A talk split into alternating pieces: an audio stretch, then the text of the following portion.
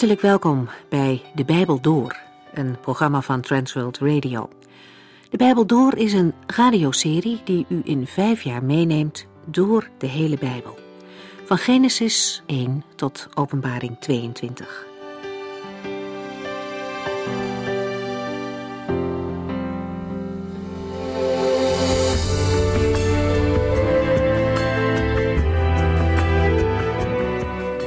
Deze uitzending gaat verder met het evangelie van Matthäus. We beginnen bij Matthäus 9, vers 14. Om de draad op te pakken nog even terug naar de vorige studie. Allereerst hebben we de vorige keer twee mannen ontmoet die de Heer wilden volgen. Geweldig, zouden wij vast zeggen, wanneer mensen het verlangen hebben om Christus te volgen. Maar het is verrassend om de reactie van de Heer zelf te zien. Tegen de Bijbelgeleerde, de jonge man, zegt hij: heb je er wel goed over nagedacht wat dat betekent? Heb je de kosten berekend? Ik heb geen huis hier op aarde. Het volgen van de Heer Jezus betekent ook delen in zijn moeilijkheden, delen in zijn zorgen. Hij verbiedt de man niet om mee te gaan, maar hij wijst hem er wel op dat het geen makkelijk leven vol met voorspoed zal zijn. En dat geldt ook nu nog. Christenen hebben geen garantie op rijkdom of gemak. De zegen van het leven als christen, dat is de Heer Jezus zelf, de diepe verbondenheid met Hem, de persoonlijke relatie die Hij met ons wil hebben. En dan de tweede man, die vraagt of hij Jezus mag volgen. Hij stelt er een vraag bij. Kan ik eerst mijn vader begraven?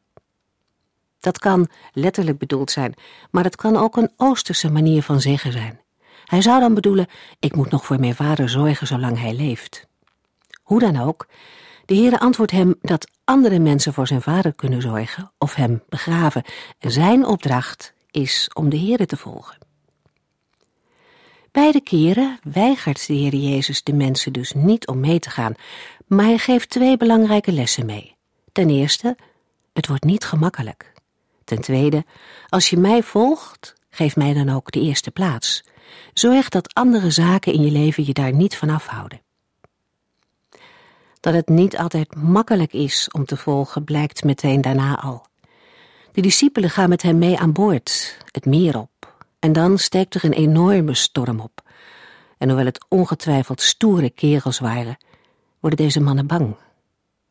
Jezus doet dan opnieuw een wonder. Hij laat zijn macht over de schepping zien als het op een woord van hem weer rustig wordt. Het was niet een makkelijke tocht, en toch kun je je voorstellen dat de discipelen het voor geen goud hadden willen missen. Door de moeilijkheden hebben ze ook iets van de grootsheid van de Heer gezien. En dat maakt het meer dan de moeite waard.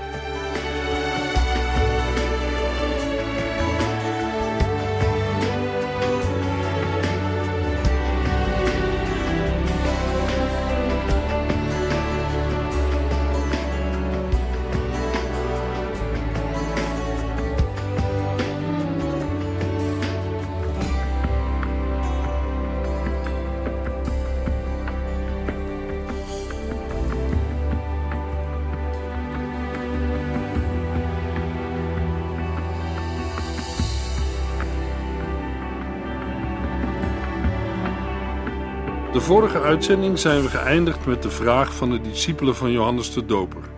Matthäus 9, vers 14. Op een dag kwamen de leerlingen van Johannes de Doper naar Jezus toe en zij vroegen hem: Waarom vasten uw leerlingen niet, zoals wij en de Fariseeën? Hier wordt duidelijk dat de discipelen van Johannes, die als groep bij elkaar waren gebleven, regelrecht naar Jezus zijn gegaan. Ze gingen niet net als de Fariseeën naar zijn discipelen. De fariseeën kwamen vaak om te bekritiseren, maar de vraag van de leerlingen van Johannes de Doper getuigt van veel meer bescheidenheid. Het antwoord van de heiland is dan ook veel milder. Matthäus 9, vers 15. Waarom zouden de bruiloftsgasten treuren, zolang de bruidegom bij hen is? antwoordde Jezus. Maar eens zal hij uit hun midden worden weggenomen, en dan zullen zij vasten. Hoewel vandaag vasten voor gelovigen echt waarde heeft, hebben gelovigen geen gebod gekregen om te vasten. Vasten hoort gedaan te worden met de gedachte dat wij ons voor God neerwerpen omdat we Zijn genade en Zijn hulp nodig hebben. dan gaat het over vasten in het algemeen. Maar daar gaat het in vers 15 niet over. Jezus heeft zelf ook gevast en heeft dat ook van zijn discipelen verwacht. Dan gaat het over een persoonlijk vrijwillig vasten in geloof en met gebed. In Matthäus 9 gaat het over de oud-testamentische manier van vasten, als uitdrukking van verdriet, dat onder andere ook op vaste tijden gebeurde. Zacharia 7 en 8. Daar deden de Heer Jezus en zijn leerlingen niet aan mee. Waarom niet? Waarom zouden de bruiloftsgasten treuren zolang de bruidegom bij hen is? Matthäus 9, vers 15. Er is een andere tijd aangebroken. De periode van het Oude Testament van de wet is nu in het Nieuwe Testament overgegaan naar de tijd van de genade. Hoe legt de Heer Jezus dat uit? Matthäus 9, vers 16 en 17. Wie verstelt er nu een oude jas met een lap nieuwe stof? Die lap zou immers krimpen en de jas stuk trekken. De scheur zou er alleen maar groter door worden. En wie doet er nu jonge wijn in oude leren zakken? Het leer van oude wijnzakken is daar immers veel te stug voor. Het zou barsten door het gisten van de jonge wijn. De wijn zou weglopen en de zakken zouden onbruikbaar worden. Voor de jonge wijn moet u nieuwe, soepele zakken gebruiken. Dan houdt u de wijn en de zakken goed. De heer Jezus zegt: Het oude kleed van het Oude Testament kan men niet met nieuwe lappen herstellen. En de nieuwe wijn van het Nieuwe Testament, het Evangelie, kan men niet in de oude zakken bewaren. In die tijd bewaarde men de wijn niet in flessen, maar in leren zakken. Deze zakken werden gemaakt van dierenhuiden, meestal van geiten of schapen. Ze werden in hun geheel gebruikt, zodat de zakken de vorm van het dier hadden. De jonge wijn ging in de zakken gisten en zo ontstond er een druk. Een nieuwe huid had een bepaalde elasticiteit, maar een oude was stijf en zou barsten. De kern is dat de oude bedeling met zijn op de wet gerichte vroomheid, inclusief de tijden voor het vasten, en de nieuwe bedeling met het evangelie en de doorbraak van het koninkrijk van God totaal onverenigbaar zijn. De Heer Jezus zegt: Ik ben niet gekomen om nieuwe lappen op een oud kledingstuk te naaien. Ik ben gekomen om een nieuw kledingstuk te geven, iets wat helemaal nieuw is. Dat is heel radicaal. Johannes vat het samen in zijn evangelie toen hij zei: Want Mozes heeft ons ooit de wet gegeven. Daarin is ons al verteld wat wij wel en niet moeten doen. Maar Jezus Christus bracht ons genade en waarheid. Johannes 1, vers 17. De inhoud van het evangelie vraagt om een nieuwe vormgeving. Als antwoord op de vraag van de leerlingen van Johannes de Doper over het vasten betekent dit: het vasten, voor zover het gehandhaafd wordt, krijgt in het nieuwe verbond een nieuwe betekenis en een nieuwe vorm. Matthäus 9, vers 18. Terwijl hij, Jezus, dit zei, kwam de leider van de synagoge naar hem toe en viel voor hem op de knieën. Mijn dochtertje is net gestorven, zei hij. Maar als u meegaat en haar aanraakt, zal ze weer levend worden. We komen bij het achtste en negende wonder in het Matthäus-evangelie. In zekere zin zijn ze met elkaar verbonden. Beide zijn het genezingswonderen. Lucas vertelt in zijn evangelie dat, toen deze leider van een synagoge voor het eerst bij de Heer Jezus kwam, hij kwam vragen om zijn dochter te genezen. Er kwam een man naar hem toe die voor hem neerviel. Het was Jairus, de leider van een synagoge. Hij smeekte of Jezus wilde meegaan naar zijn huis. Zijn enig kind, een meisje van twaalf jaar, lag op sterven. Lucas 8, vers 41. Maar in vers 49 van Lucas 8 lezen we: Iemand uit het huis van Jairus kwam vertellen dat het zieke kind al gestorven was.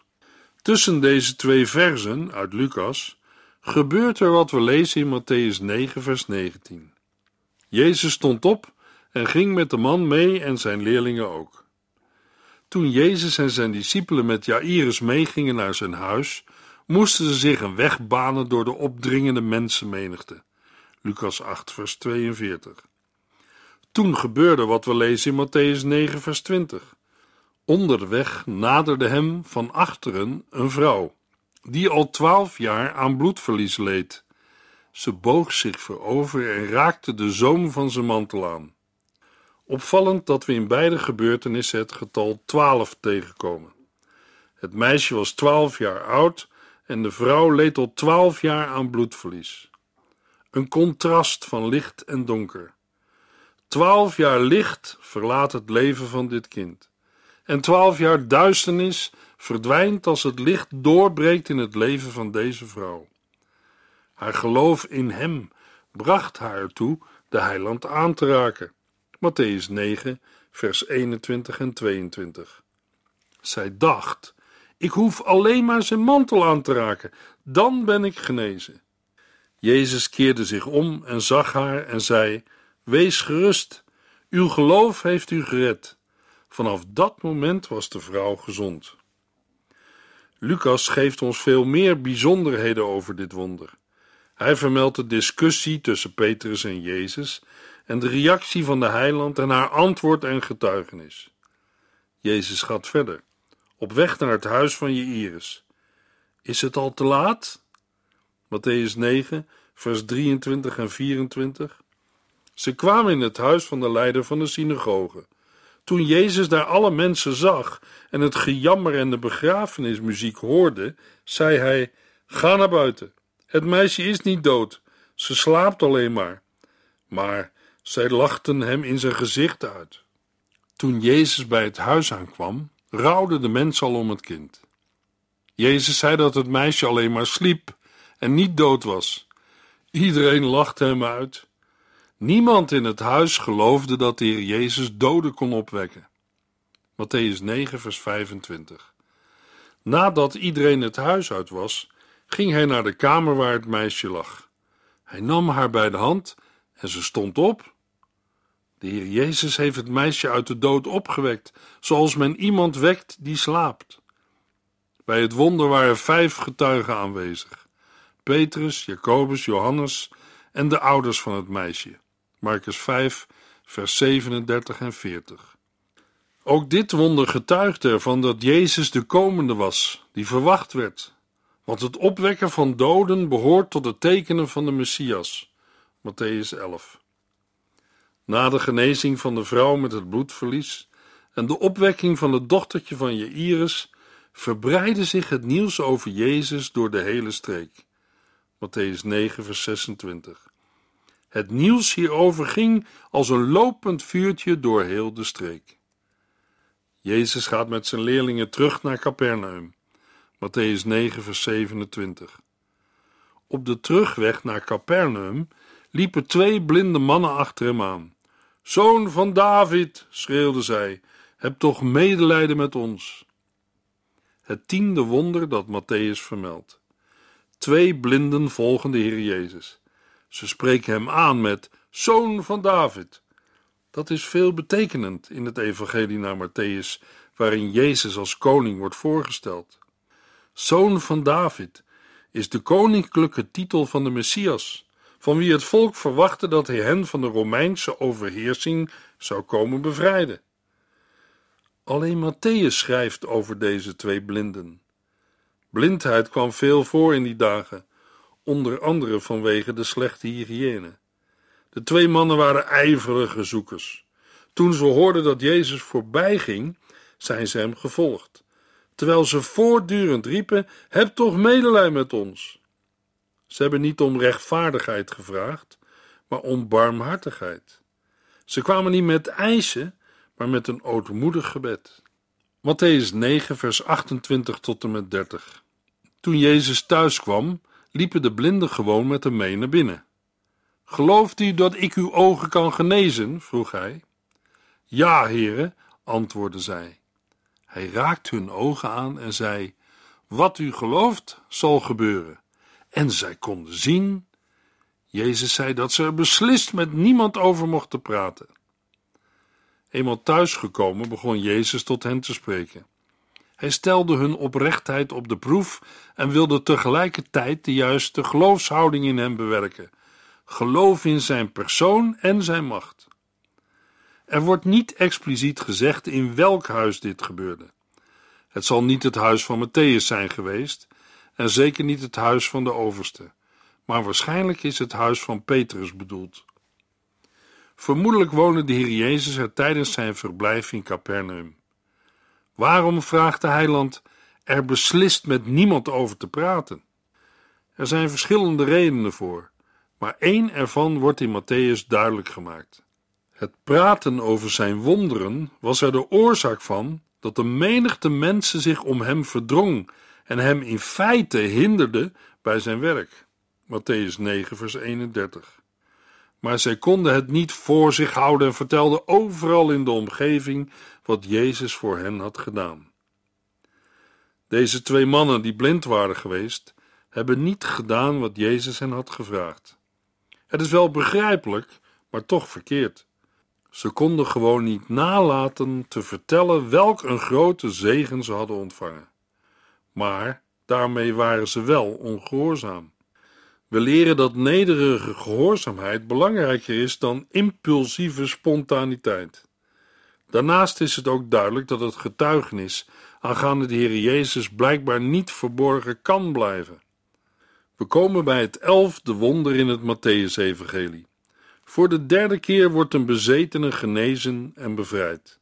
Matthäus 9, vers 32 en 33. Hij stond op het punt weer te vertrekken toen er een stomme man bij hem werd gebracht. De man kon niet spreken, omdat er een boze geest in hem zat die dat verhinderde. Jezus joeg die geest uit de man weg en toen kon hij weer spreken. De mensen stonden versteld. Zoiets is in Israël nog nooit gebeurd, riepen ze uit. De twee blinde mannen die door de Heer Jezus waren genezen, zijn nog maar net weg, of er wordt nog een zieke man bij de heiland gebracht. Hij is doof, stom en bezeten van de duivel. Het Griekse grondwoord dat met niet spreken is vertaald, kan betekenen stom, doof of doofstom. Deze man kon in ieder geval niet spreken, maar kan mogelijk ook nog doof zijn geweest. Hij kon zelfs zijn nood niet aan de Heere vertellen. Anderen hebben hem geholpen. Zijn niet spreken werd veroorzaakt door een demon. Toen de mensen die buiten stonden het hoorden en de man zagen, versterkte dat hun verbazing over alles wat er die dag aan wonderen was gebeurd. Matthäus vermeldt de algemene indruk die de werken van de Heer Jezus in het algemeen op de mensen maakten.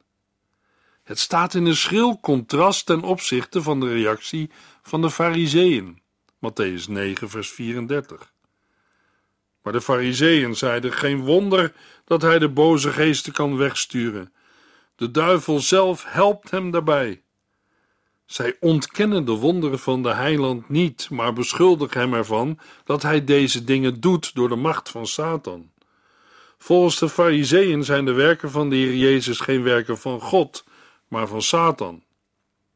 De Fariseeën konden de wonderen van de Heer niet ontkennen, maar zij wilden ze ook niet erkennen en daarmee begaan ze een grote zonde. In Matthäus 12 gaan we er meer over lezen. Daar wordt de bewering dat Jezus in de kracht van Satan werkte, bestempeld als het lasteren van de Heilige Geest.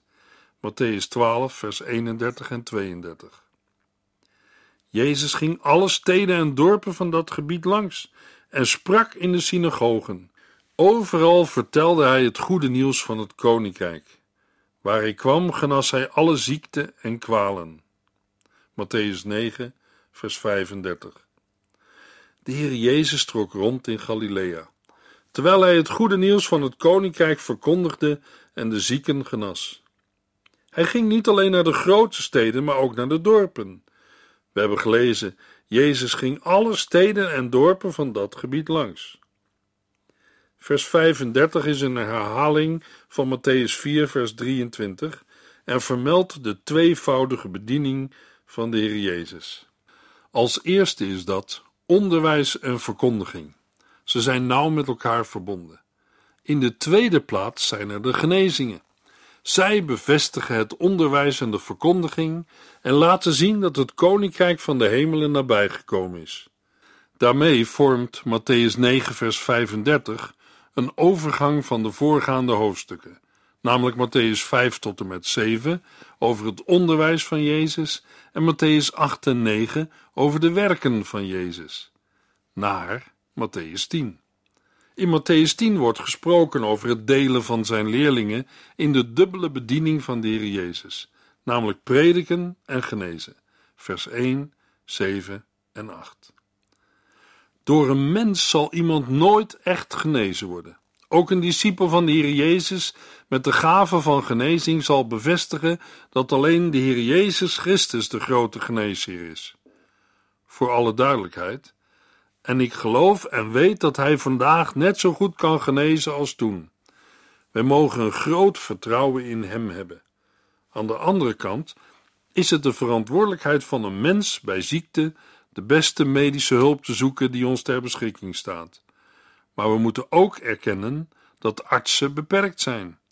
Maar de Heer Jezus is niet beperkt. Wij mogen en kunnen erop vertrouwen dat Hij ook met ons zal handelen naar Zijn perfecte wil. Wat er ook uit zal komen, wij horen Hem daarvoor de dank te geven.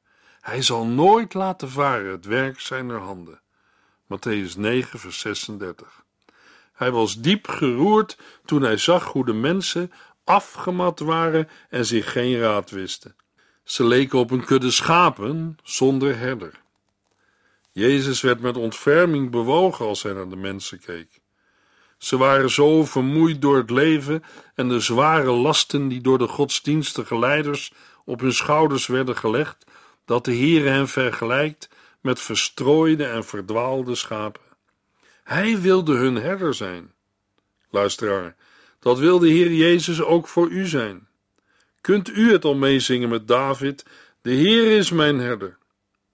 Veel grote leiders uit het Oude Testament waren herders. Bijvoorbeeld Mozes en David waren herders voordat ze Gods volk leidden. Laten wij ook vandaag bidden dat de Heer ons leiders geeft met het hart van een herder. Matthäus 9, vers 37 en 38. Wat moet er toch veel geoogst worden, zei hij tegen zijn leerlingen. En wat zijn er weinig arbeiders? Vraag de landheer of hij meer arbeiders wil uitsturen om de oogst binnen te halen.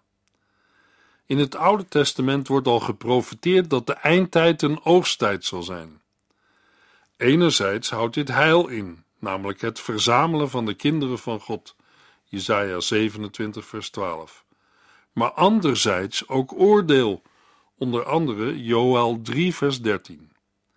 De heiland spreekt hier niet over het oordeel, maar over de opbrengst van de oogst. Nadat de Heere dit tegen zijn leerlingen heeft gezegd, stuurt hij hen op weg. Voordat hij hen uitzond, droeg hij hen op te bidden voor meer arbeiders. Opmerkelijk dat hij hen daarna juist zelf de wijngaard instuurt.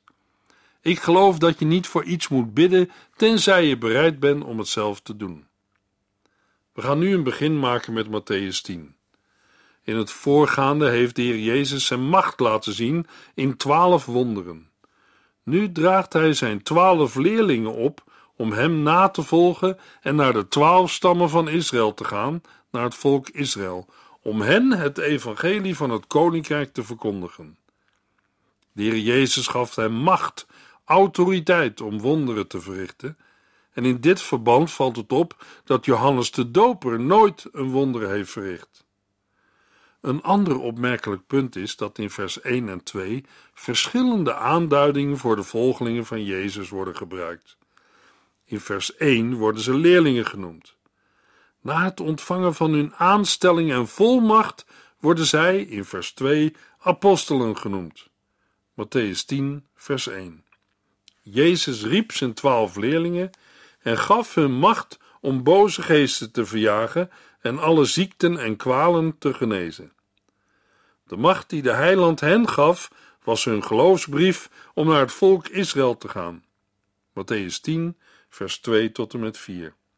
Dit zijn de namen van zijn twaalf apostelen: Simon, ook wel Petrus genoemd, en diens broer Andreas. Jacobus, de zoon van Zebedeus, en zijn broer Johannes, Filippus en Bartholomeus, Thomas en Matthäus, de tolontvanger, Jacobus, de zoon van Alfeus, en Thaddeus, Simon de Zeloot en Judas Iscariot, door wie Jezus is verraden. Matthäus 10, vers 5 en 6. Jezus stuurde deze twaalf erop uit met de opdracht: Ga niet naar de ongelovigen of de Samaritanen, maar alleen naar de verloren schapen van het volk Israël. Het verbod in deze verse: ga niet naar de ongelovigen of de Samaritanen, moeten we niet opvatten als een blijvende opdracht. Omdat Israël een bijzondere plaats inneemt in het plan van God, moest het evangelie van het koninkrijk van God eerst aan hen gebracht worden. De scheidsmuur tussen Israël en de volken mag niet voortijdig worden weggebroken. Wat moesten de apostelen vertellen?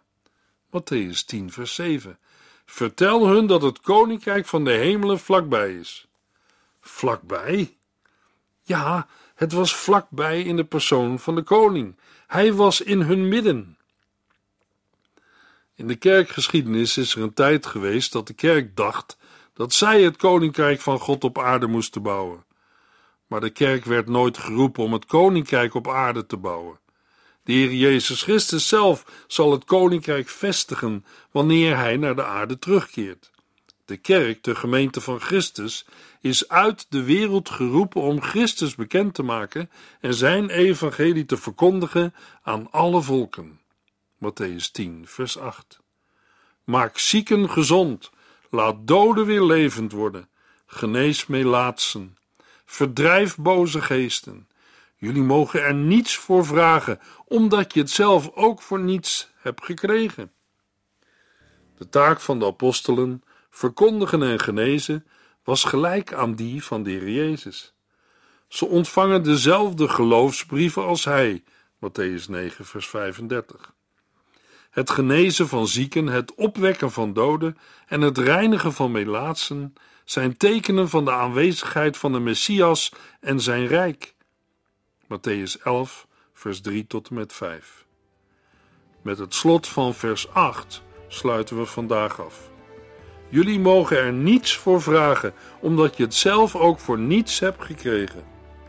Met geloof en godsdienst mag je geen handel drijven. Ook vandaag mogen wij het goede nieuws van God brengen zonder er iets voor terug te vragen. Dat wil natuurlijk niet zeggen dat u het niet mag ondersteunen met gebed en financiën.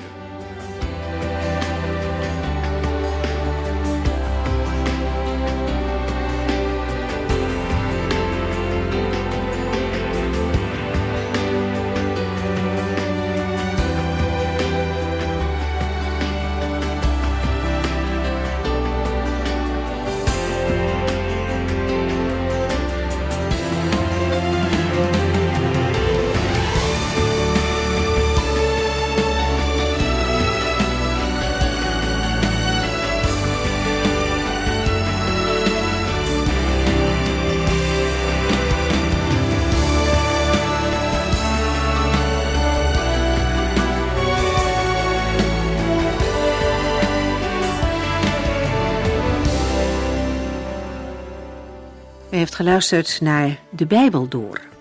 In het Nederlands vertaald en bewerkt door Transworld Radio. Een programma waarin we in vijf jaar tijd de hele Bijbel doorgaan. Als u wilt reageren op deze uitzending of u heeft vragen, dan kunt u contact met ons opnemen. Tijdens kantooruren kunt u bellen op 0342 47 8432. 0342 47 8432. 32. Ook kunt u een e-mail sturen naar de Bijbel door transworldradio.nl en natuurlijk kunt u ook via de post ons bereiken.